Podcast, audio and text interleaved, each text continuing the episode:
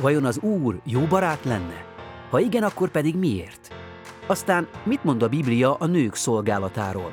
Korlátozza-e egyáltalán a nőket különböző szerepeikben?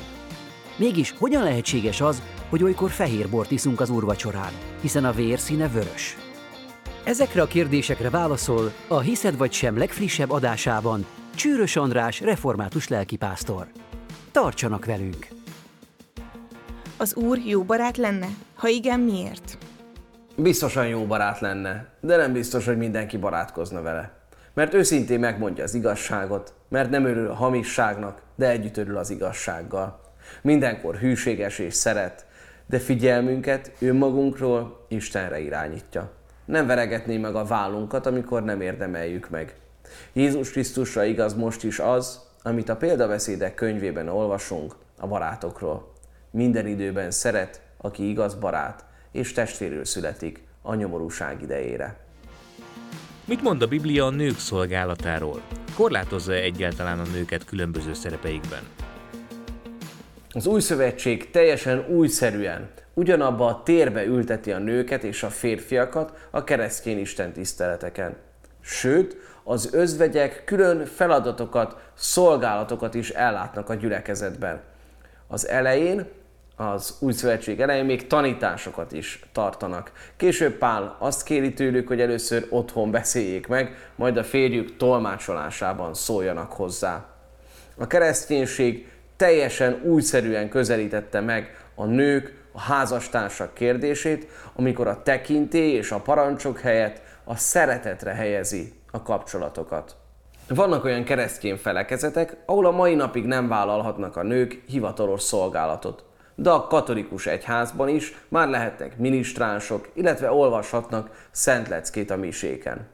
A világ protestáns egyházaiban van olyan, ahol a nők nem lehetnek lelkipásztorok, de ott is megszólalnak a gyülekezetben, hiszen hitoktatást végeznek, vagy gyerekisten tiszteletet tartanak. A magyarországi protestáns felekezetekben a nők is lehetnek presbiterek, lelkipásztorok, hiszen azt tanítjuk, hogy ők is Isten gyermekei, akiket Isten elhív a legkülönfélébb szolgálatra. Hogy lehet az, hogy olykor fehér bort iszunk az úrvacsorán, hiszen a vérszíne vörös? A lényeg, hogy a bor bor legyen. Azon belül szőlőből készült borral úrvacsorázunk, így az almabor meg a pancsolt szesz nem való úrvacsorázásra. A vérszíne vörös, ezért az ember tényleg arra számít, hogy biztos vörös borból lesz, hiszen Krisztus vérére mutat rá az úrvacsora de a reformáció hitvallásai is csak annyit hagytak meg, hogy szőlőből készült borból legyen az úrvacsora. Ha a kérdező ezek után is ragaszkodik a vörös borhoz, akkor beszéljen nyugodtan a lelki pásztorával, és szép református szokás szerint ajánljon fel gyülekezetének úrvacsorai jegyeket, azaz a kenyeret és a bort, ami így már biztosan vörös lesz. Eszembe jut egy történet egy magyar katolikus papról, Olofszon Placid atyáról, aki megjárta a gulágot és tartotta a lelket a raptársaiban. Ő ostya helyett kenyérrel, bor helyett pedig a szőlőnek a levével misézett, áldozott, és azt mondta, hogy csodálatos karácsonyi misén volt így részük neki, a gulágon és a raptársainak így együtt. Úgyhogy erre figyeljünk, hogy nem a a bornak a színe, minősége, hanem a Krisztussal való találkozás a lényeg az úrvacsorában.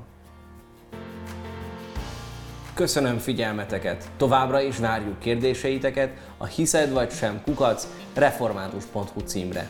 Jövő héten újabb epizóddal jelentkezünk.